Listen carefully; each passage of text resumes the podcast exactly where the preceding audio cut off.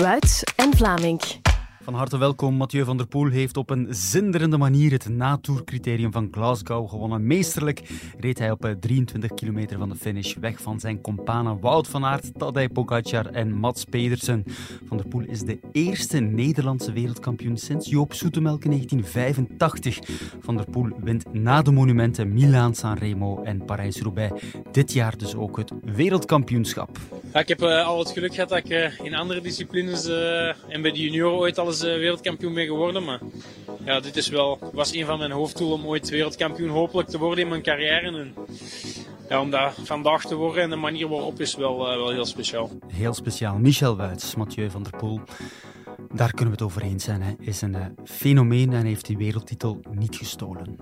Um, zonder meer wonderman op een wonderdag. Mm -hmm. Op een dag die, uh, mag ik hopen, uh, niet alleen wervelend was, maar ook wervend naar een nog groter publiek uh, dat enthousiast is voor wielrennen. Mm -hmm. fantastisch. niet alleen lichamelijk excellent, maar ook bijzonder intelligent. Waar plaats jij Mathieu van der Poel nu in het rijtje van de wielerfenomenen? Ik weet, het is een clichévraag, het is een moeilijke vraag. En de geschiedenis heeft al veel grote renners ja, gebracht. Maar waar, waar kan je die plaatsen, Mathieu Bij van der de eendagsrenners top 10. Aller tijden. Oké, okay, dat is uh, indrukwekkend. Jan Bakelands. Ook gezien de evolutie in het wielrennen. Hè? Ja. Gezien de, nou, mondialisering. Ben je het ermee eens, Jan? Ja, eigenlijk wel. Top 10, dat moet het zeker zijn. Um, ik kijk eigenlijk nooit echt heel ver terug, maar voor mij is hij nu op gelijke voet gekomen met Bonen en Cancellara. Mm -hmm. Ben je het ermee eens dat het lelijkste WK-parcours ooit wel het mooiste WK ooit heeft opgeleverd? Ja, allee. Um, ik vond het wel een beetje gelijken op Leuven. Um, en we krijgen eigenlijk een beetje een soortgelijk verloop, wat ik op, zich uh, vooraf ook wel verwacht had. Maar um, we moeten oppassen om, om dit nu te veralgemenen en uh, altijd naar dit soort parcoursen terug te gaan grijpen, omdat dat spektakel levert. Ik ben mm. akkoord, maar ergens moet er toch ook een fysieke component zijn. Ik zeg niet dat hij hier niet geregeerd heeft, maar je moet ook alle types uh, fysiologische profielen een kans geven om wereldkampioen te worden. En eigenlijk is dit twee keer op drie jaar tijd dat we hetzelfde profiel zijn gaan recruteren. Drie jaar geleden in Leuven waren zowel Wout als Van der Poel niet, hadden hun beste dag niet. Um, maar er mag ook nog wel eens iets, iets droogweg superlastig bij zijn, genre Imola. Mm -hmm. Leuven was eleganter. Leuven had meer rechte stukken. Waar een type als Evenepoel bijvoorbeeld wel zijn snelheid zou gehaald hebben, die hij hier op geen enkel punt van het parcours kon halen. Um, er zaten uh, van die haken en ogen in dit parcours waarvan je afvroeg hoe kan dat nu in godsnaam dat de UCI dit goedkeurt? Mm -hmm. Iedere cross, tot de allerkleinste cross toe in Vlaanderen, wordt gekeurd door een soort van homologatiecommissie, met Paul Herreigers bijvoorbeeld aan kop. En daar worden dan wijzigingen aangevoerd. Daar worden chicanes uitgehaald uh, in extremis. En hier heeft men dat vertikt. Foei UCI.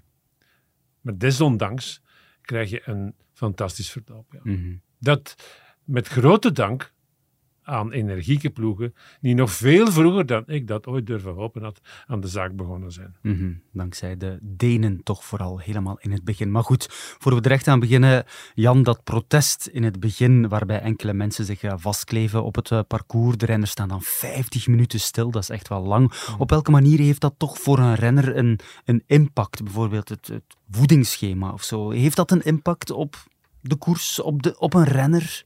Dat heeft altijd impact, maar het hangt af van hoe flexibel je persoonlijkheid is, um, hoe groot die impact zal zijn. Ik denk voor Van der Poel is die vrij klein, omdat hij toch altijd in het nu leeft en minder planmatig te werk gaat. Het is zelfs heel goed uitgekomen. Hij moest blijkbaar nodig naar het toilet en heeft uh, van die gelegenheid gebruik kunnen maken om het comfort van een wc op te zoeken van een aanpalend huis voor iemand die heel planmatig dat voedingsschema en die, en die wedstrijd van uh, kilometer tot kilometer beleeft, denk ik wel dat dat een shock is. En daar heeft het overduidelijk een grotere impact dan uh, bij iemand ja, die wat meer alleen provist werkt. Mm -hmm. Het zou kunnen, ik zeg wel, het zou kunnen dat het zeer snel verdwijnen, afhaken van een Asgreen, uh, van een Laporte, andere Fransen, dat dat daarmee te maken heeft. Mm -hmm. Dat is geen certitude, maar die verdwijnen wel heel snel. Hè? Ja, Laporte had wel mechanische pech. God ja.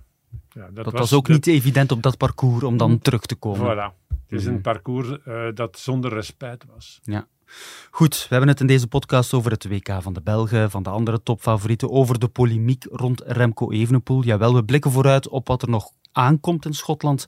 En natuurlijk hebben we het ook over de wereldtitel van Lotte Kopecky in het baanwielrennen. We hebben dus uh, geen tijd te verliezen. Mathieu van der Poel wint, Wout van Aert, we vallen in herhaling. Wordt tweede, dat zegt uh, wellicht twee dingen. Dat Wout van Aert er toch weer stond op het allerhoogste niveau, maar dat zegt ook, ook uh, het is weer uh, net niet goed genoeg. Zonde toch?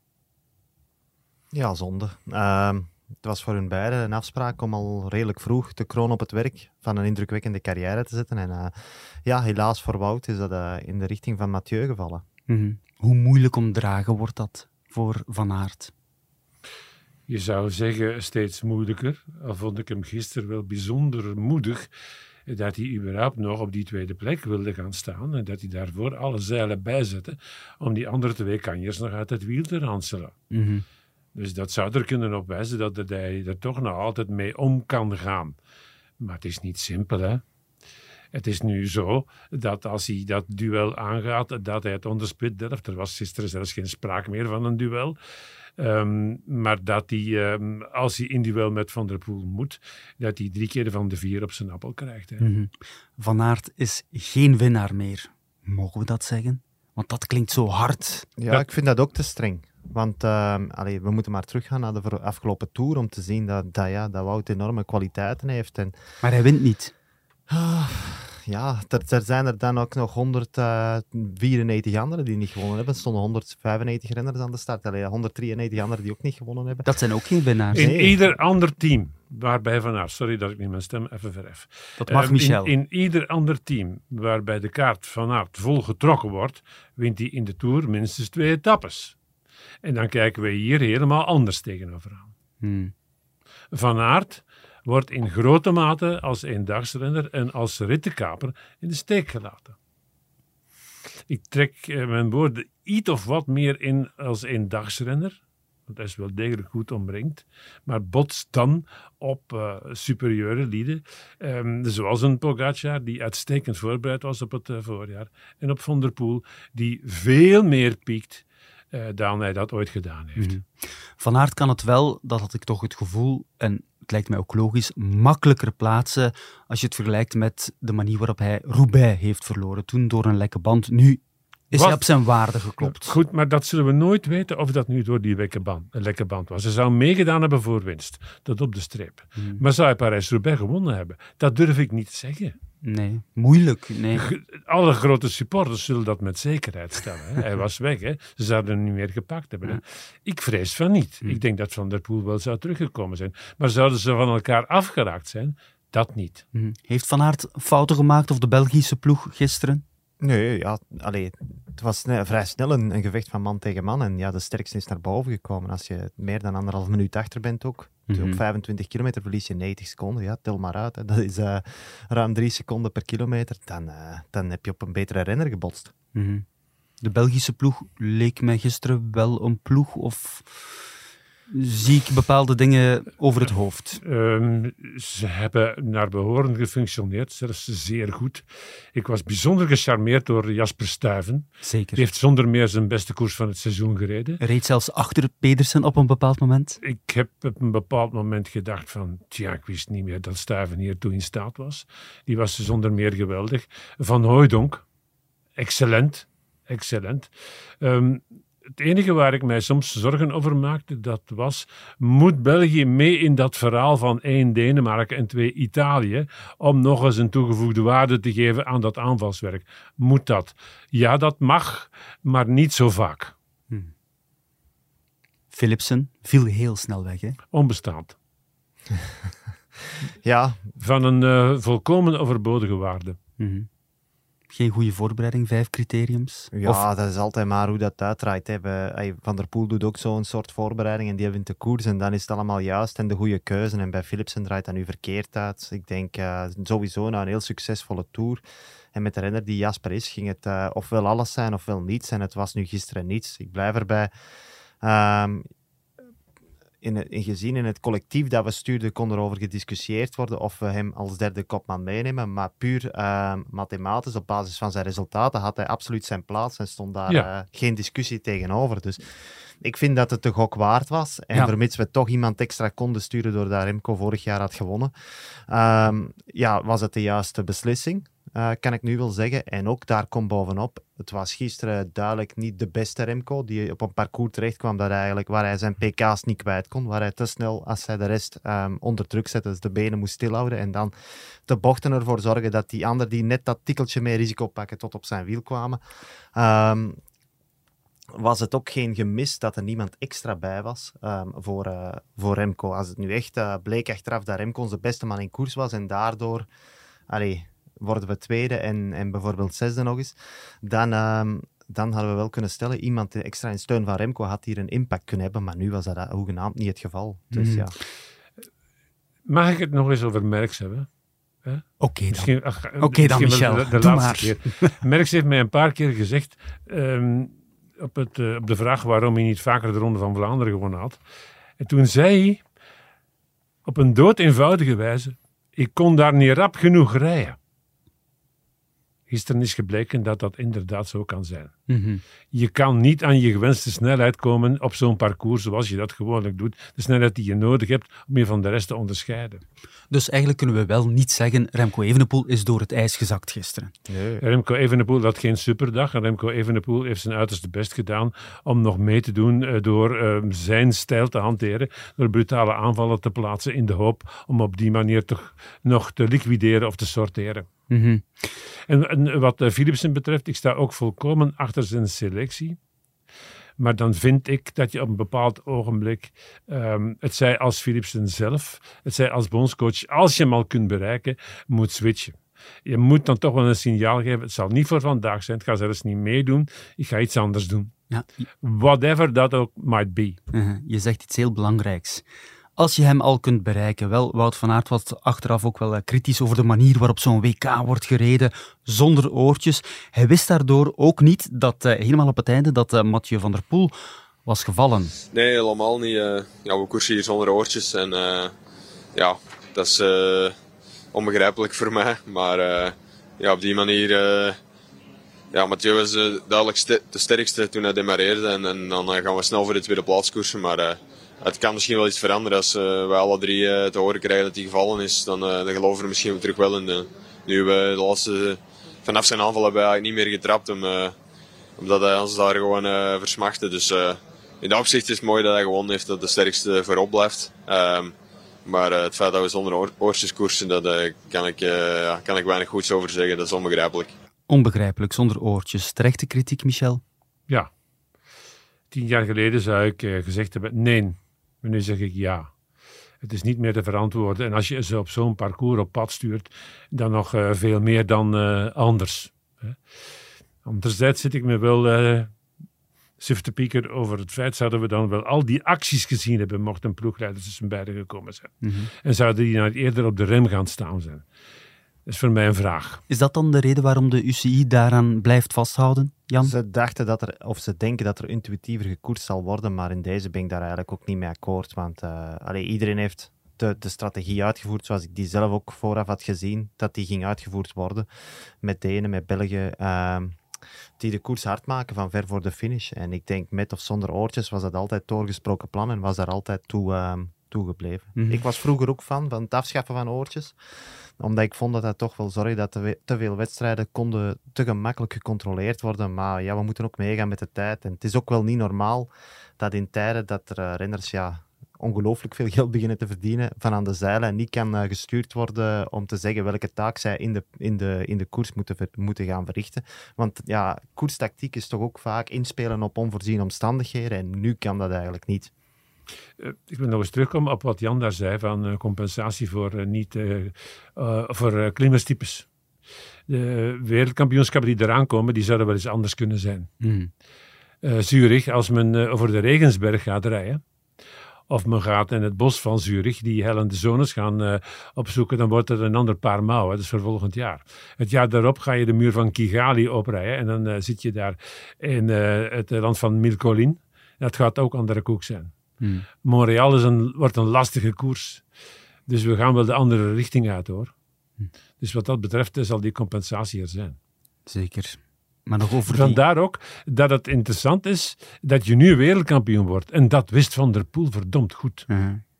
Want het zou wel eens kunnen dat hij eh, er volgend jaar en het jaar nadien en ook eh, drie jaar later veel minder aan te pas komt. Dat zou wel eens heel goed kunnen zijn. En hij had dat, hij had dat plan vorig jaar al. Hè. Ik wil volgend jaar in Glasgow En die- wereldkampioen Die is worden. na zijn frustratie met zijn hotelaffaire, die Hmm. onverkwikkelijke affaire, die is daar een heel jaar mee bezig geweest. Ja, ik denk dat Wout daar ook al heel lang mee bezig was. Ik denk dat ze allebei wel goed beseften dat dit op hun maat eh, gesneden was. En dat ze allebei ja, zoiets hadden van dit is onze laatste gouden kans. En ze hadden allebei hun demonen die ze meedroegen daarin. Wout was al een, ja, een paar keer tweede geweest op een WK. Had het misschien in Imola eens kunnen halen. Al moeten we toch zeggen dat Alaphilippe daar net dat tikkeltje sterker was. Van der Poel die had al Harrogate achter, eh, achter de rug. En dan vorig jaar Hotel Gate, maar in Harrogate ook. Daar was hij de gedoodverfde winnaar. Tot hij daar ja, bijna een onbegrijpelijke hongerklop maakt, hij, hij doormaakt. Ehm, en het dan nu zo komen afronden, ja, dan rekende wel in één keer af met het verleden. Oké. Van der Poel wint Milan-Sanremo. Van der Poel wint Parijs-Roubaix. Van der Poel wordt wereldkampioen. Van der Poel wint er tussendoor een rit in de Ronde van België in het eindklassement. Dat is het, hè. Van pieken gesproken, hè. Mhm. Is toch on- onwaarschijnlijk. Moet Van Aert ook die richting uit? Nee, Moet Van Aert is- zijn crossseizoen droppen? Moet Van Aert tegen zijn ploeg zeggen, ik krijg de Tour niet meer? Ik denk wel dat we ze allebei heel weinig tot niet gaan zien in het crossseizoen dit jaar. Want eh, ja, voor Van der Poel met de trui volgend jaar, ik denk dat zijn wegseizoen, zoals ik dat begrepen heb, er zo goed als op zit. Ik denk dat hij volgend jaar in die klassiekers er wel echt wil staan en daar alle eieren in dat mandje gaat leggen. Ook al is hij dan momenteel wereldkampioen veldrijden. Om eh, zijn eh trui geldig te maken. Ja, Heeft Van Aert dat al tegen jou bijvoorbeeld gezegd als het gaat over crossen? Van, hmm, zover vooruit hebben we nog niet, nog niet gesproken, maar ik denk wel dat hij die switch nu, hij is klaar om die te maken. Ja. Hij heeft in het, eh, in het veld weinig nog te winnen. En want hij ziet dat het wel goed uitpakt, de manier waarop Mathieu van der Poel zijn seizoen indeelt, zijn keuzes maar- maakt, selectiever is, ook in de manier van koersen. zeggen, we kunnen niet zeggen dat, dat Wout het slecht aanpakt. hè. Hij is heel consistent. Hij is in de Tour eh, al ontegenwoordig. Hij is daarvoor in Parijs-Nice of Tirreno Adriatico voor het, eh, het koersseizoen ehm, ja, al ontegenwoordig. En ja, hij bewerkstelligt eigenlijk in zijn training wat Van der Poel in die, in die rondes eh klaarspeelt. Hè. Die, die, die rijdt die rondes en zet daar in zijn laatste stap in training. Hij rijdt dat ook puur als training, terwijl Wout daar ook voor resultaat komt rijden. Mhm. En ja, wat is de oplossing? Ik denk gewoon dat het twee heel verschillende renners zijn. Wout is iemand die meer tegen de overslag kan rijden en een goede tijd rijden. Dat heeft Van der Poel minder. Je ziet dat ook in de bergen. Als ze in de Tour eh, het hoge berg erin trekken, dan, ja, dan is de klassieke renner Wout van Aert daar aan het meerijden tegen klimmers. Terwijl we Van der Poel in de, in de laatste groepetto, ja, misschien wel van groepetto tot groepetto zien rijden, maar duidelijk ja, noodgedwongen misschien, omdat dat niet in zijn fysieke kraam past. In de geschiedenis Ehm, van der Poel van Aert Andere keuzes maakt. compenseerde Van Aert zijn achterstand die hij opliep ten opzichte van Van der Poel in de Tour de France. De eh, Tour de France-renner eh, Van der Poel bestaat eigenlijk niet in vergelijking met de Tour de France-renner Van Aert. Van Aert raakt daardoor zijn explosiviteit kwijt. En dat is niet eenmaal essentieel in eendagswedstrijden. Ja, dat denkt er ook vanaf welk type parcours het is. Hè. Als we van de jaren eh, een, een type Imola-parcours krijgen, ik blijf erbij dat dat misschien meer op Van Aert zijn, zijn lijf geschreven is nog dan wat we gisteren Dan komt hij gezien een ander tegen. Dat is het probleem. Hij komt altijd... Altijd iemand anders tegen die net Dus iets hij is, beter hij is. is in het Venn-diagram in, het, eh, in, de, de- Ah. in de doorsnede. Maar, maar dat moet toch frustrerend zijn? Ongelooflijk. Dat moet frustrerend zijn, maar ja, dat, dat is nu eenmaal zo. Hè. Hij is altijd heel goed, maar als ik het eh, goed heb, wat jij daarnet allemaal overloopt, Michel, Zurich, Kigali, eh, Ja, maar er Montreal. komt een heel interessante rematch aan. En we kijken nu naar de, naar de wereldkampioenschappen, die ik denk ook wel fysiek veel zwaarder zullen zijn. Of op een ander type fysionomie gaan recruteren dan wat we gezien hebben. Maar volgend jaar Parijs. Dat gaat wel ook echt een stadscircuit zijn. eh, met korte klassieke hellingen. Ja, Voor een goed begrip, Olympische, Olympische Spelen. Olympische, Olympische Spelen, ja. Spelen, Maar ja, ja. Zou, Wou- zou Wout van Aert dan klagen als hij geen wereldkampioen is geweest, maar wel eens Olympisch kampioen? dat Allee, weet ik Ehm, niet. Ik vind de wereldkampioenentrui ook nog wel iconischer. Ja. Maar toch, ja. Hij is- dan toch dat. Er is nog een aspect. Er is nog een aspect, dat is essentieel, dat wordt vergeten. We zitten nu aan het eind, bij alle eh, protagonisten, aan het eind van de tweede piek. Van de tweede seizoenspiek. Je hebt de voorjaarspiek, je hebt een eh, nieuwe rustperiode, je hebt een eh, nieuwe opbouwperiode via hoogtestage en dan heb je een eh, tweede segment. We zitten aan het eind van het tweede segment. De derde opbouw is altijd de minste. Het is veel moeilijker om wereldkampioen te worden in de maand september, eind september, soms begin oktober, maar meestal eind september, dan in augustus. Mhm. Dit was een geweldige kans. Goh, dat weet ik niet, Michel. Vraag het maar eens aan Evenepoel. Ik denk dat hij misschien zal zeggen dat vorig jaar veel gemakkelijker ging dan bijvoorbeeld dit jaar. Maar die had een andere opbouw. Ja, dat is waar. Van eh Evenepoel moet je zeggen dat hij eh, vorig jaar aan het eind van zijn eh, tweede piek was. Je kan maar beter als je wereldkampioen wil worden onderweg wat voor hebben, waardoor je er een maand uit ligt.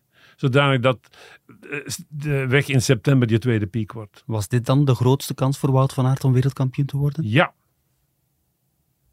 Dat is prematuur, denk ik. Maar het was een goede kans. Maar niet de grootste. Volgens mij, ja. was vorig jaar ook een Geef goede mij- kans. Maar eh, geef toen mij was een glazen al bol. weg. Ik denk dat Kigali, Kigali kan ook nog wel iets zijn. geef mij een glazen bol. Maar we zijn het er allemaal over eens. Het was een gigantisch grote kans. Hij heeft heel goed kans. gereden. Hij stond er. Perfecte opbouw. Leek het toch. Alleen was er weer één iemand beter. Mhm. Zo simpel is het Hmm. eigenlijk. Ehm Kampenaerts en eh Lampaard, hun ehm, eh, hoogtepunten in het eh, WK waren beperkt. Ehm, ik ga daar geen uitspraak over doen. Ik ga die niet eh, evalueren, want ik weet niet wat ze ervoor gedaan hebben. Wat bedoel je? Wat ze in, in de buik van het peloton Ah. gedaan hebben in de aanloop. Mhm. Maar ze hebben wel constant in de vuurlijn gekoerst. Dus vaak ook met een snuffel, ehm zelfs ondanks Frison, mee in de wind. Waarbij ik mij afvroeg, moet dat dan? Ja, zo makkelijk is het helaas niet om eh, in dat soort nerveuze koersen altijd in de luwte te blijven van die ene man die op kop zit. Dus eh, er is een continu zwermeffect, waardoor je als je niet in de, zelf in de wind gaat op gepaste tijden, regelmatig wordt eh, naar achter gedrukt in het peloton. En dat zijn krachten, ja, allee. Er is nog een, onder, een ehm, onderwerp op tafel gegooid, of een argument, wat eh Evenepoel betreft. Evenepoel kan niet in de buik van een peloton koersen. Ik heb geen buik van het peloton meer gezien op het circuit. Nee, nee, Ik heb klopt. alles op het lint gezien, Maar hij had het wel bijzonder moeilijk om vooraan te blijven. Hè?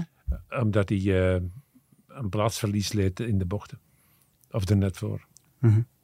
Ja, ik denk ook gewoon omdat hij net niet zijn beste benen had. Want eh, Ja. dat park, hij zei dat zelf, ik zat altijd te ver, ik was daar echt in de problemen. En ja, na twee keer weet je toch wel, oei, dat park komt eraan. Ik moet zien dat normaal iemand met de kwaliteit van Evenepoel, die neemt daar de kop zelf. En die, ai, die regelt vanaf de kop het verkeer een beetje, Ja. wie er wegrijdt en laat zich Ja. eventueel wat doorzakken. Ehm, maar nu was dat er niet bij. Ja. En dan eh, denk ik dat Remco eh, niet Ja. zijn beste benen had. Af en toe wel wat zand in de ogen gestrooid, want je denkt van hij is weg. En dan ineens, eh, je keek eh, even weg van de televisie en dan zag je hem vooraan, was hij aan het demareren. Dat was heel raar, zeer grillig toch wel. Het, het, het, ehm, aparte was het beleven van die wedstrijd op een redactie. Een redactie vol jeugdige elementen. En bij iedere aanval van eh, Remco Evenepoel eh steeg het enthousiasme in het zenit. Mhm. Het was apart om mee te maken. Ja, dat is gewoon omdat mensen verwachten van Remco Evenepoel dat hij iets uit zijn benen tovert Ja, dat we nog niet hebben gezien. Inderdaad. Het charisma van Mhm. het jongetje. hè. Maar eh, wie ook wel wat uit zijn benen heeft getoverd, was inderdaad dus de wereldkampioen Mathieu van der Poel. Die rijdt dan weg van Van Aert, van Pogacar, van Pedersen. Hij vergroot zijn eh, voorsprong en dan ineens, pats, ligt hij op de grond in die bocht. Wat gaat er dan als renner, Jan, in die situatie door je heen? Ik denk, eh, zoals bij de meeste renners, blijft het daar redelijk cool onder, omdat het allemaal zo, dat, dat gaat zo snel dat wegleiden, ehm, zo'n schuiver maken, dat je daar eigenlijk niet de tijd hebt om, om te panikeren. En eh, vanaf als je er ligt, is ook het eerste dat in een renner opkomt van, oké, ik heb niks, eh rap mijn ketting erop. Die Ja. ligt er vaak af, dat was nu bij hem al niet het geval. Er stond En wel een motor voor hem. En terug verder rijden. Die Shimano-motor stond ineens voor hem nog eens, eh, moest, Er moest hij waren meer rond. ongelukkige parkeermanoeuvres en het was ook een volledig circuit tussen de Nadars. Dus Ja. ehm, Zijn schoen was ook beschadigd. Dat is, dat is maar één reflex. Hè. Dat is die van, die van maken dat je terug weg bent. Ja. Hè. Ja. Uiteindelijk is eh, het tijdsverlies minimaal. Ik denk dat hij ook een eh, stevige opkikker zal gekregen hebben. En als je dan eh, die weergave ziet van die eh, secondenverschil, als die inderdaad klopt, ja, dan was dat niemendal. Hè? Mhm.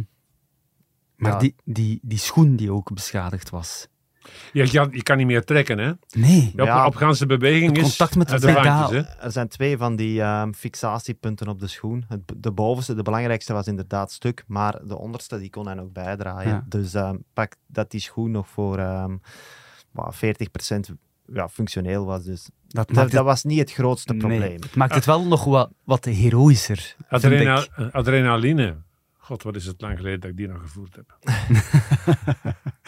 We hebben het eh, op voorhand altijd over de ploeg natuurlijk. Hè. We hebben het hier nu al over gehad, over de Belgische ploeg, het belang daarvan. Maar uiteindelijk op dit parcours, dat heb jij in het begin van deze podcast ook gezegd, Jan, het was al vrij snel man tegen man. De ploeg had je niet echt nodig. Bij Nederland hebben we alleen even, ah, toch een tijdje Dylan van Baarle gezien, maar voor het overige moest Mathieu van der Poel en ook iemand als een Tadej Pogacar het alleen zien Ja. op te lossen. Je had een sterke ploeg nodig om te maken dat de vooraf aangeduide kopmannen ehm, afgezet werden en zonder al te veel krachtverlies in dat man-tegen-man gevecht eh, terechtkwamen. En vanaf dan waren die min of meer op zichzelf aangewezen. En dan had de sterkte van de Belgen kunnen zijn dat ze met drie kopmannen waren en de, de slag om slinger ieder om beurt konden demareren. En ja, niet-ideale groepen daarin konden beslissen om niet mee te werken en zich terug te laten volgen. Zie daar het bewijs dat als je zeer intelligent bent en als je ook eh, de wetenschap hebt dat als je in positie 10 gaat hangen, eh, dat je in een op en een wip eh, in positie 5 of 4 zit, wat Van der Poel een aantal keren gedaan heeft,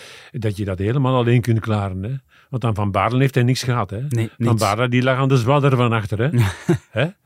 Ehm, terwijl de Belgen zich naastig ingezet hebben eh, met een Van Hooydonk, met een Stuyven. eh, eh, het zij om tempo te maken, om opziepers te veroorzaken op die hellingen. Want er was veel meer dan Monroe Street alleen. Hè. Hmm. Het was voortdurend op en af. En dat er een paar zich bezig gehouden hebben met Remco Evenepoel weer terug bij de zaak te trekken. Eh, de Belgen hebben zich eh, ingeprent van we moeten de wedstrijd meemaken. En de anderen hebben daar ook mede netjes van geprofiteerd, waaronder Mhm. Van der Poel. Mhm. Het moet fijn zijn om eh, Christophe of Philippe Roodhoofd te zijn deze dagen, toch? Ja, ik denk dat die mannen niet klagen. Nee, die leven op een wolk, Michel.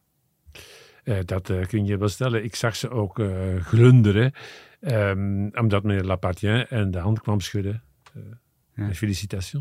Ik zag Christophe Roodhoofd echt breed lachen. Ik heb dat nog nooit gezien. Nee, Ongelooflijk. nee. nee, eh, alle, alle, alle opgestapelde... Jij, jij was er dan ook niet om zo'n vervelend interview te komen afnemen. Dat is Alle, alle, op, alle opgestapelde argwaan naar de pers van de voorbije tien jaar was weg. Uh-huh. Het was wel fijn. Te zijn eh, gegund. Van der Poel neemt nog deel aan het eh, WK Mountainbike volgende zaterdag. Zou het kunnen dat hij er nog een wereldtitel bij doet? Of is dat toch onmogelijk? Want zelf zegt hij, ik ga voor een tiende, vijftiende plek. Ik wil mij vooral kwalificeren voor de Olympische ik Spelen. denk dat hij daar realistisch is, want dit is nog een ander paar mouwen. Ik ga niet zeggen dat dat zwaarder is, hè. maar het is, een, eh, het is een ander vak. Mhm. Het Het is een ander vak. Ja. Ja. zelfs dat zou misschien, zoals hij nu rijdt, eventueel nog kunnen. Maar ehm, ik heb vooral gezien iemand die iets heel belangrijks zei. Het komt op een punt in zijn carrière dat hij beter en beter begint te beseffen ook. Ik ga nu vooral genieten. Ik ga vanavond toch iets drinken met die jongens. En ik denk, het zou mij zelfs niet verrassen als nog het bericht komt van dat hij die mountainbike-wedstrijd binnenkort laat voor wat hij is. En zegt, ik ga nog een paar kleine koersen rijden in mijn wereldbeke, eh, wereldbo- regenboogtrui. Maar eh, die, die mountainbike, daar heb ik nu even geen zin meer in. Ik ben voldaan. Sagan heeft dat, meen ik, op de Spelen van Londen ook eens geprobeerd. Londen of Rio, een van de twee. Ehm, In Rio heeft hij de wegrit niet gereden, maar is hij voor de mountainbike gegaan. Dat klopt. Nee, maar het is gedubbeld, Dan zal het Londen Ja. geweest zijn. meen ik. Hè. En dan eh, deed hij eh, in het eh, mountainbiken eh, toch gedurende driekwart van de wedstrijd vooraan mee en dan pats. Mhm. Weg. Ja. Toch benieuwd wat Mathieu van der Poel zal doen komende zaterdag. Goed, we hebben nog wel het een en ander te bespreken. Afgelopen weekend stond de uitredende wereldkampioen tegen wil en dank toch ook eh, op een minder aangename manier in de spotlights. De liefde tussen Patrick Evenepoel, papa van Remco, en ook eh, zijn manager en Patrick Lefevre lijkt over. En dat is voor eh, Remco Evenepoel natuurlijk zeer ongelukkig. Heeft de polemiek van de voorbije dagen ook een rol gespeeld in de focus, Remco? Nee, nee, nee. eh, zoals ik zei, ik, eh, het is best dat iedereen mij gewoon laat doen en dat er eh, weinig commentaar komt. eh, zowel van de entourage als van, van Medialand. Dus ik weet wat ik moet doen, ik weet wat er mij te wachten staat de komende jaren. En, het is gewoon altijd ambetant dat er, ondanks op een mooie periode, dat er nog altijd iets negatiefs naar boven moet komen. Het is dat ik dat ik nooit niet iets goed kan doen. En dat doet soms wel een beetje pijn, maar ja. Het is een beetje het, le het, leven dat mij van begin bij de profs toe geschonken is precies. Dus het is zeker niet gemakkelijk, maar ik kan er wel, wel mee om. Ja, er moet altijd iets negatiefs naar boven komen. Het is precies of ik nooit iets goed kan doen. Dat doet toch een beetje pijn. Ja, dat is toch erg als je dat hoort van een jongen die gewoon wil uh, koersen. Maar mij hoeft dat niet te doen, dat uh, naar zich te trekken. Hè? Um, maar het raakt hem wel. Het heeft, het heeft, wel een stukje allemaal plaatsgevonden buiten zijn wil om. Zeker qua timing, hè?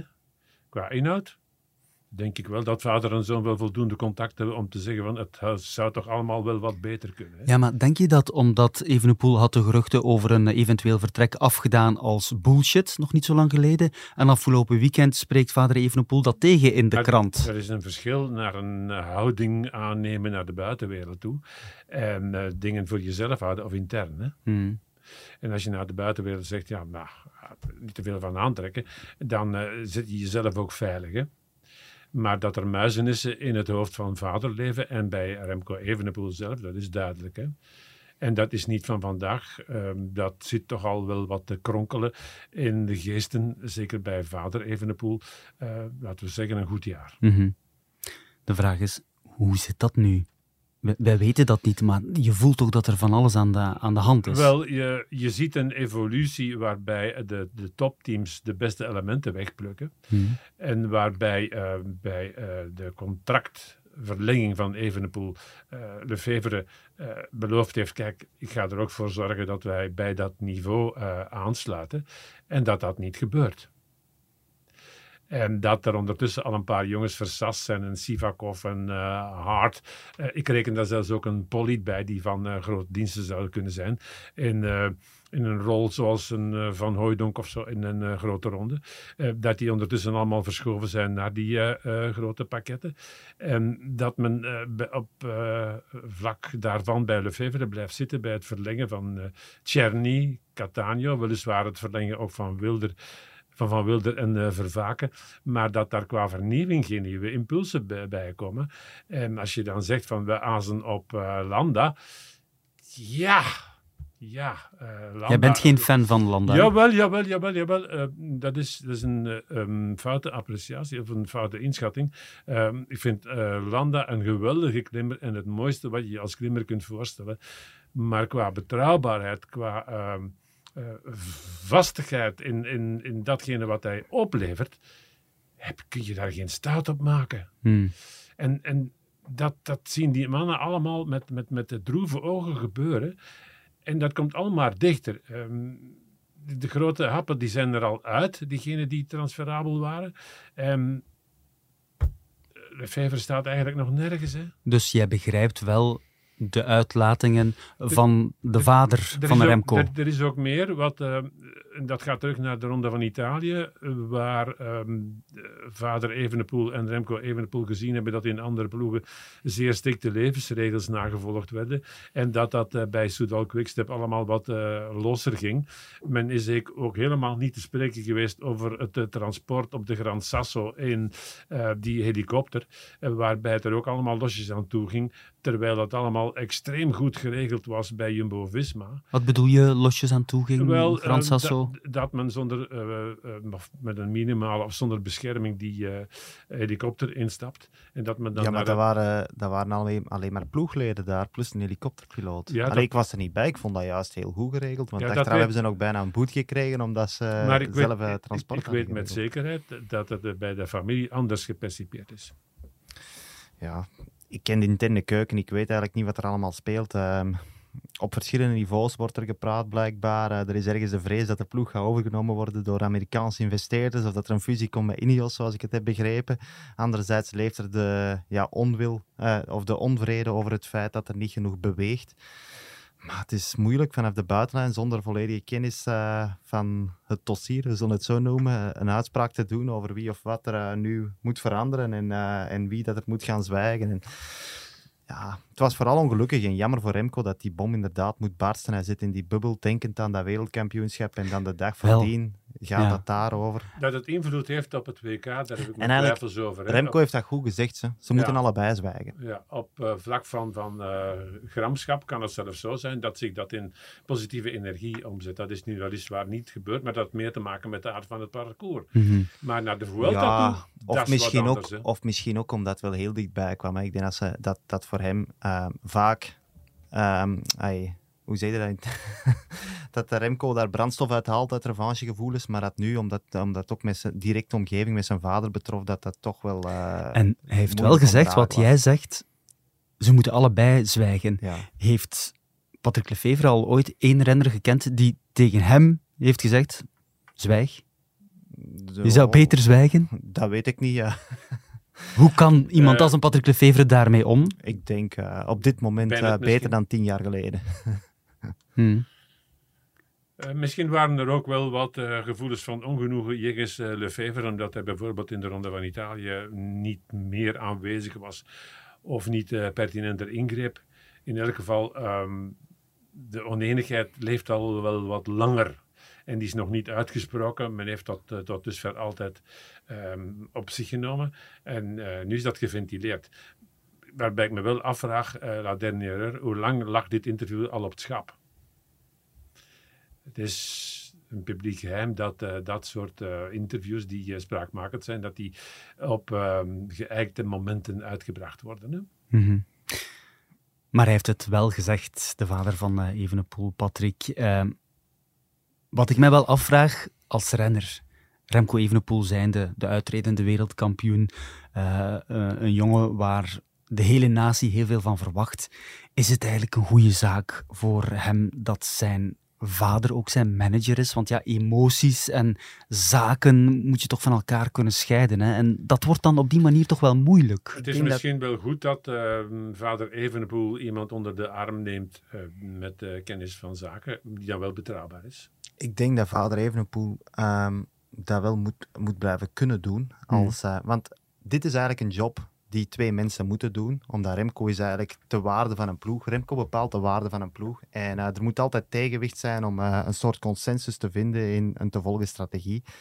En daarom denk ik dat het wel niet slecht is dat vader Evenepoel een, een, wat, wat tegengas krijgt van iemand eh, die zich daar ook mee betrekt. Maar ik denk dat het een foute stap zou zijn om dit nu ook aan, aan een ander management te gaan geven. Die Oké. zich dan ook de koning te rijk gaan rekenen en, en die eh, dan een soort monopolie op het eh, uitstippelen van de koers van Remco Evenepoel gaan toewijzen. Ik denk dat eh, ja, een soort Je je bedoelt- dat, duopolie wel, wel interessant Je zou zijn. bedoelt dat vader Evenepoel iemand onder de arm neemt Naast hem. met kennis van zaken, Ja. de finesse in contracten en dergelijke. Ja, alleen advies op alle vlakken. Ehm, want ook op het sportieve kan adviseren. Want nu kijken ze misschien soms, ehm, ze, ze horen van alles van Jumbo-Visma doet het zo, of, of doet dit of dat. Maar ze, of, of bij Ineos gaat het er zo aan toe, of die hebben eh, die fiets of dat nieuw snufje. En eh, het is misschien ehm, goed dat er iemand bij is die soms nuanceert. Dat dat misschien ook maar eh, ja, overdreven praten in de pers en dingen groter voorstellen dan, dan het eigenlijk is. En die daar ehm, ja, mee gaat kijken wat, wat, wat de ploeg waar Remco bij rijdt aan het doen is en wat daar eventueel beter kan. En daar realistische ehm, verwachtingen schept Hm. binnen het management van Evenepoel. En ook naar die ploeg terugkoppelt van kijk, we moeten een stapje bijzetten. Of wat we nu doen is eigenlijk wel goed. Ja. Maar ik denk eh, dat we een conclusie kunnen trekken naar de kern van de zaak toe, dat we dat ook al bij eh, vorige podcast besproken hebben, dat wat de Vuelta betreft, dat die ploeg wel kan. Hè? Dat is vorig jaar bewezen. Maar dat de Tour niet, hè. Nee, maar hoe kan je dat in deze context? Hij moet zich nu focussen in de eerste plaats op het WK tijdrijden, maar daarna op de Vuelta. Ja, hoe, hoe kan je dat doen? Je voelt dat er van alles gaande is. praten, er moet er nog eens aan tafel Praten- worden gezeten. Praten, in- in- voilà. intern Ja. praten, hè. En zeker naar zijn makkers toe, waarmee hij straks eh, hopelijk drie weken op Ja. pad moet. Maar toch ook met, met Lefevre moet je toch nog eens even gaan zitten.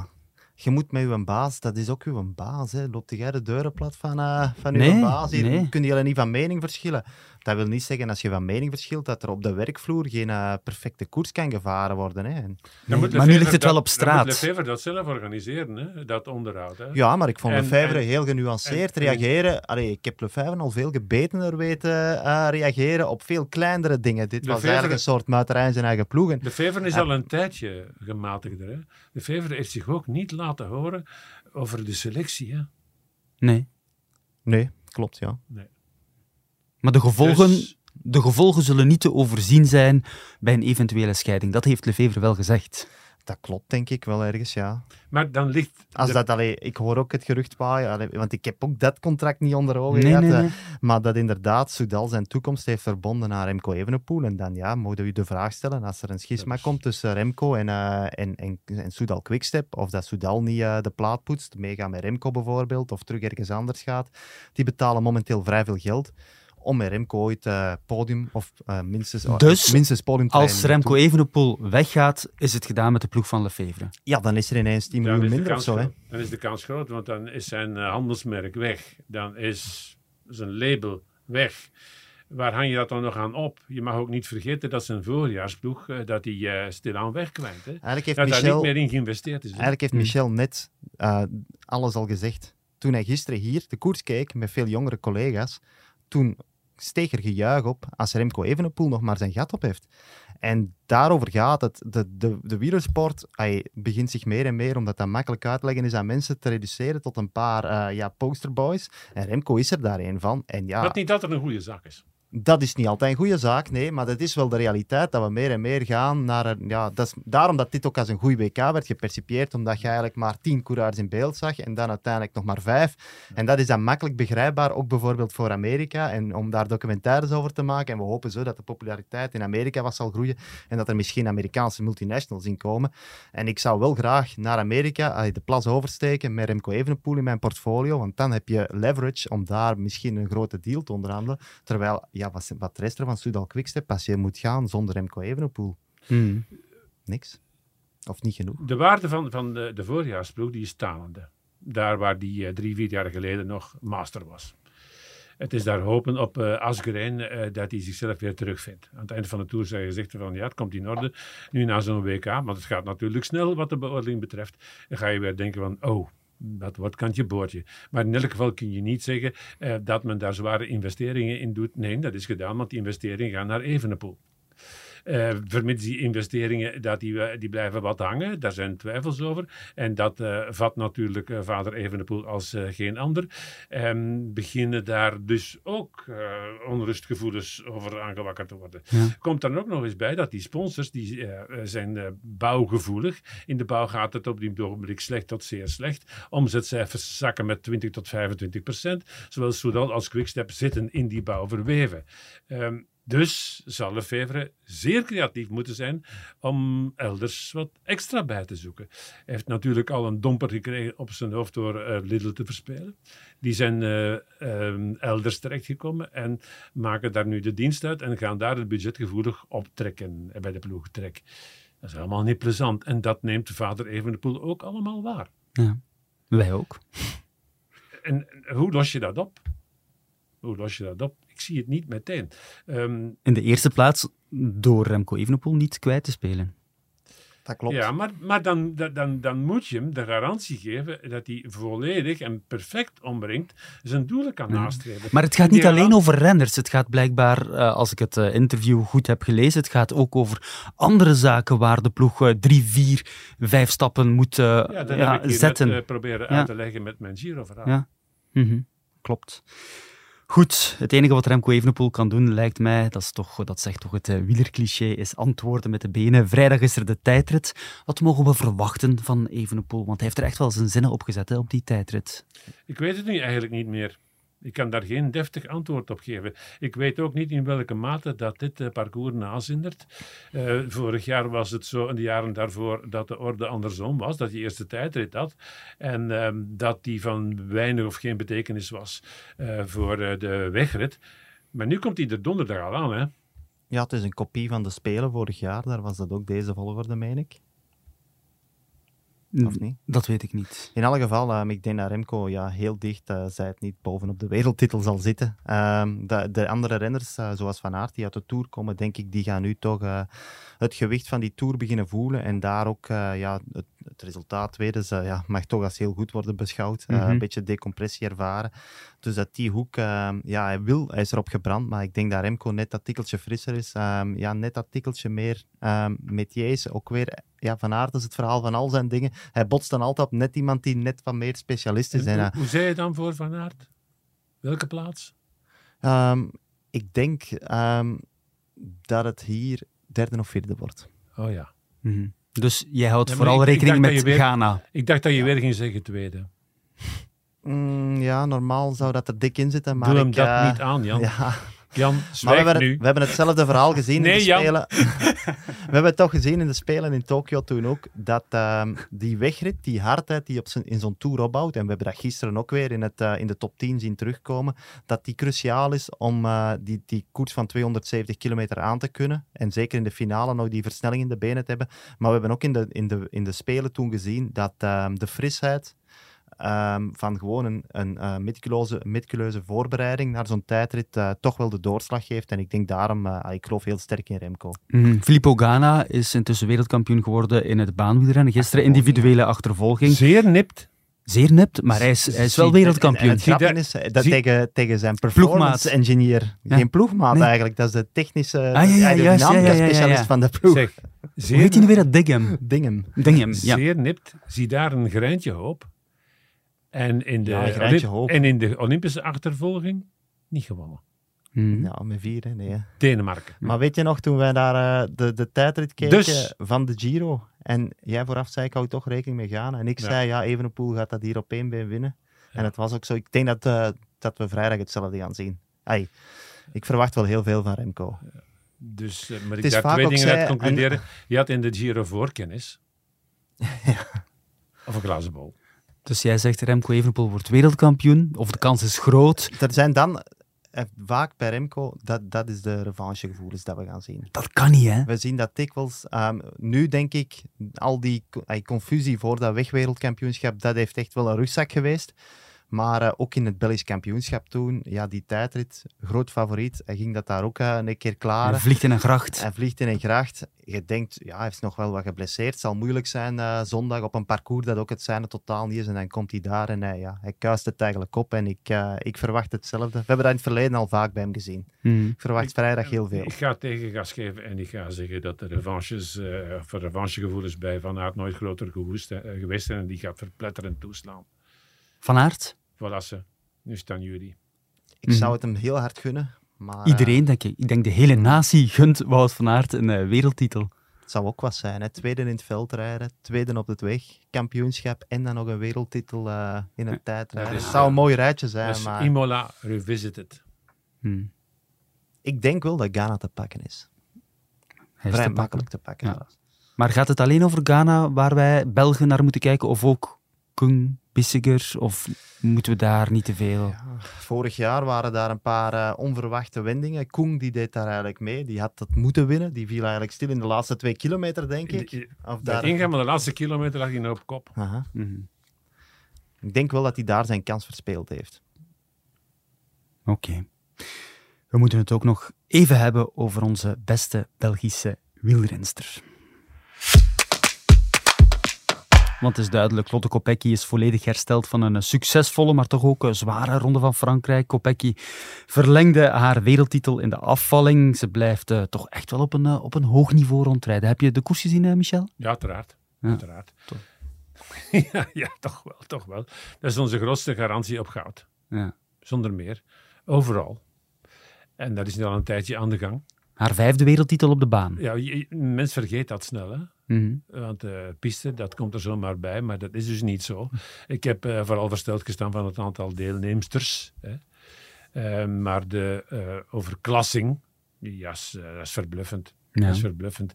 Uh, de Française die uiteindelijk nog naast haar overbleef in die afvalling, ik gebruik graag het Nederlandse woord, um, die deed wel haar uiterste best, maar die werd dan compleet weggeblazen. Hè. Ja. En toen waren ze nog met twee van oorspronkelijk dertig zeker. Mm -hmm. Morgen de puntenkoers, donderdag het Omnium, zondag is er dan de wegrit. Is Kopecky, nadat we, na wat we eigenlijk gisteren hebben gezien op de baan, nu nog meer favoriete om wereldkampioen te worden? Of zegt zo'n wereldtitel op de baan eigenlijk niet echt veel over, over de wegrit? Het is een opsteker. Ja. En niet meer dan dat. Uh -huh. Een bevestiging van het feit van ik ben in topvorm en twee, um, die toer die zal uit mijn lichaam. Uh -huh. Niet onderschatten, hè, die pisten. Hè. Nee, dat denk ik ook niet. Nee, nee, nee. nee, nee. Nee, en er zijn ook altijd risico's aan verbonden, valpartijen, die probeert ze zoveel mogelijk te, ver- te vermijden, want die wegrit zit eh, toch wel in haar eh, achterhoofd. Er wordt wel eens gevallen op de piste. Ja, hou je daar geen rekening mee, want je moet ook nog de wegrit winnen. Ja, ja, nee, dat, ja. Eh, nee, ik hou er zeker, re- zeker rekening mee. Eh, ik ben er niet van plan om ehm, ja, onnodige risico's eh, te gaan nemen. Al zeg ik dat nu, maar als je in de situatie zit, dan doe je dat waarschijnlijk wel. Maar ehm, nee, ik, eh, ik, ga hier wel, ehm, ik hou wel in het achterhoofd dat ik hier ook wel mijn WK op de weg volgende week zondag kan hypothekeren. Dus eh, dat wil ik zeker niet doen. Nee, het lijkt me wel geen evidente combinatie. En baanwielrennen en de wegrit. Of is dat allemaal niet zo lastig? Want ja, haar, pa- haar, haar programma is toch wel vrij Ja, de druk scratch, gevuld. de scratch leunt nu op zich wel dicht aan bij wat een wegrit is. Of dichter dan andere disciplines. Het is geen 200 meter sprint of zo. Nee. Dus, eh, Om, Omnium, dat is een ander paar mouwen. Hè? Ja, dat is eh, een Dat- paar dagen Dat kan je één. toch wel wat nekken. Ja. Ehm, het feit dat zij gecrossed heeft en dat ze daar meteen meedoet voor eh, het eh, podium in het verleden in het Belgisch kampioenschap, in de periode dat ze dat nog deed, dat is een opsteker. Dat parcours, dat moet daar ook toe lachen. Dat draaien en keren, dat recuperatievermogen, dat iedere keer weer optrekken. Die korte snokken, die korte sprintjes naar boven, eh, dat ligt daar ook eh, perfect. En ik hoop uit de grond van mijn hart dat ze de finale ingaat eh, met de Voldering. En dat ze, die, dat, die, dat ze die dan op een geweldige manier afdroogt. Ja, Nu mag dat, hè? Ja, dat mag, ja. maar Ik vond hoop, dat- ik, ik, ik hoop dat, dat ze van Voldering mag. Ik vond dat in de Tour eigenlijk eh, dat allemaal viel- wel het viel nog ligt mee, tegen, tussen die twee. Dus. Uh-huh. Maar zo'n super WK, zo kort na de Tour, wa- wat vinden jullie daar nu van? Zo... Ik zie de meerwaarde niet. Ze kunnen misschien zeggen, ja, het geeft meer publiciteit voor de kleintjes, de andere disciplines die anders een beetje onderbelicht blijven. Maar eh, ik ben wel voorstander van de derde piek, want nu is het eh, te veel na elkaar. Ook omdat de vrouwentour daar eigenlijk nog eens tussen zit, die sterk aan momentum gewonnen heeft. Zo heb je eigenlijk vier weken tour op een rij. En de week nadien zitten we weer al eigenlijk met het kroonjuweel van de sport Maar eh, te verdelen. Dus dat is wel, ik vraag me ook af, ik denk dat dat effectief wel een impact gaat hebben op het, op het najaar. Gelukkig dat de Vuelta zich heel interessant aankondigt, maar wat er na de Vuelta komt, Ronde gaat- van Lombardije. Dat is een heel belangrijke wedstrijd. En eigenlijk een heel interessante testcase. Moest hij zich daar nog voor kunnen opladen voor Wout van Aert? Want ik geloof wel, net door zijn polyvalentie kan hij daar ook wel gaan scoren. Hij heeft alleen de tegenslag dat hij daar komt tegen een Evenepoel die al gezegd heeft van kijk, ik wil daar eh, dingen gaan rechtzetten. En natuurlijk is er Pogacar die altijd wel nog eh, een keer wil gaan spelen. Maar eh, ik denk, ja, dat is iets dat ik Van der Poel dan weer niet zie doen. Daar op het podium Wout van Aert zou kunnen zien staan. Het gaan we ons daar nog amuseren. Ja, Ja, ja zeker. ja, want jullie geven commentaar bij die Absoluut. wedstrijd, Ronde van Lombardije. Goed, dat is voor eh, begin oktober. Is, is het ook zo dat eh, Van Aert afziet van de Canadese koersen? Ehm, dat, eh, dat weet ik niet. Er is natuurlijk de Ronde van Groot-Brittannië. Valt die samen met de, met de Canadese koers? Ik heb geen eh, 100% zicht op de... Ik denk wel dat de kans groot is dat hij zich aan een WK Gravel gaat wagen. Maar wat daar de extra toegevoegde waarde van is, die is vrij beperkt. maar Heb je, voor een... heb je nog meer info daarover? Jan? Want je mag die ook bij ons verkopen. Ah ja, dan moet ik ze bieden. Ze hier eh, een vloer hoger gaan horen. Bij de mannen van Finance. eh, welke regeling dat we kunnen treffen. Nee, Jan, is Van Aert zin is om het WK gravel te gaan rijden? Ik denk dat die kans groot Heb is. je daar ja. al Ik over denk dat dat gesproken geen met hem? geheim is. Heb je daarover gesproken met hem? Ja, Ja, dus. de, de ploeg moet het, eh, moet het toelaten. Maar, Maar er hij is een wil. optie dat hij dat, kan- dat hij dat zou kunnen doen. Ik denk dat hij dat wel wil. Ja. Van der Poel heeft het vorig jaar ook al gedaan. En eh, gaat hij daar dan aan de start verschijnen met de heer Bakelands? Ehm, dat hangt ervan af. Zoals ik nu begrepen heb, ehm, ik ben dus gekwalificeerd, maar alleen in mijn leeftijdscategorie, denk ik. En ik wil het alleen gaan rijden, ook omdat dat de dag na Lombardije is. Als, het- als ik bij de, profs bij de echte profs kan starten, omdat ik dan weet dat ik dan zeker geen kans heb, maar dan heb ik wel de ervaring van bij de echte profs gereden te hebben. Want ik vind het belachelijk dat ik in een soort eh, ja, B-categorie binnen mijn leeftijdsgroep eh, moet gaan meedoen. Dat, bovendien valt die wedstrijd samen met de Ronde van Lombardije. En, En, eh, ik moet mijn prioriteiten kiezen. Dan geef ik liever commentaar met jou, Michel. Ah. Het enige dus eh, dat ik moet weten is dat eh, ik denk dat Sven van Toerenhout mij dus eh, een wildcard moet geven om eh, op zondag bij de profs te starten. Bij deze Dus Sven. je zou de Ronde van Lombardije droppen voor dat WK. Nee, ik geef dan commentaar op zaterdag Ja. en dan rijd ik rustig door naar Veneto en daar eh rijd ik zondags het WK in bij de profs. En, Ja. en je mag dus als 50-plusser niet starten in de categorie van Van Aert. Jawel, als, als Sven van Toerenhout u een wildcard geeft, dan mag je starten als 50-plusser in de categorie van Van Aert, Van der Poel en anderen. Oké. Er is ook sprake dat Pogacar daar zou gaan starten. Ik Ja. weet niet of- hoe hard het van de pot gerukt is, maar die, Nee, nee. die geruchten doen de ronde. Dus dat maar wordt de wel- gravel is echt wel eh, op... eh, eh, Die ja. was gisteren nagenoeg van de wereld. Die was nagenoeg van de wereld. En daaraan zie je ook Die wel dat je echt ehm, bent gaan recruteren op een heel ander fysiologisch profiel dan, dan we gewend zijn. En dat je echt wel op de pure ja, veldrijder eigenlijk, dat hij hier wel echt een parcours vond. Twee ronden eh, te veel, heeft hij gezegd aan Lapartien Maar achteraf. je, je zag het ook. Ik vond het, het mocht ook wel minder zijn, achteraf bekeken. Hmm. Je ziet ook de schade die opgelopen wordt in die slotronde. Is gigantisch. En dat was ook al bij de junioren het geval. Eh, je ziet die vechten voor iedere seconde. Eh, Die kopgroep bij de junioren die, eh, neemt meer dan, eh, nooit meer dan 25 seconden. En dan plots in die slotronde rijdt die Philipsen weg. En die pakt nog een volle minuut. De schade in die laatste 14 kilometer is gigantisch. Allee, ik heb eh Pogacar daar die steile heuvels, straten zien oprijden. En bij momenten was hem aan het kronkelen, lekker een, lekker een adder met een gebroken rug. Hè. Het heeft ons toch wel een beetje wat dat parcours betreft rond de tuin geleid. Hè? Ja. Ook Sven van Toernout heeft ons eh, geen volledig beeld gegeven. Dat was veel meer dan Monroe Street. Hè? Dat ligt daar in een eh, gekabbelde kom met eh, veel kantjes naar boven en dan weer naar onder. Daar lagen wel, wel zeven, acht Monroe Street, streetjes. Hè? Maar eerlijk gezegd, ik heb er wel van genoten. Ik vond het een fantastisch WK. Ik heb ook genoten van deze podcast. Michel Wuits, dikke merci. Jan Baaklands, merci. En ook u bedankt om te luisteren. Heel graag tot de volgende keer. Wuits en Vlaming.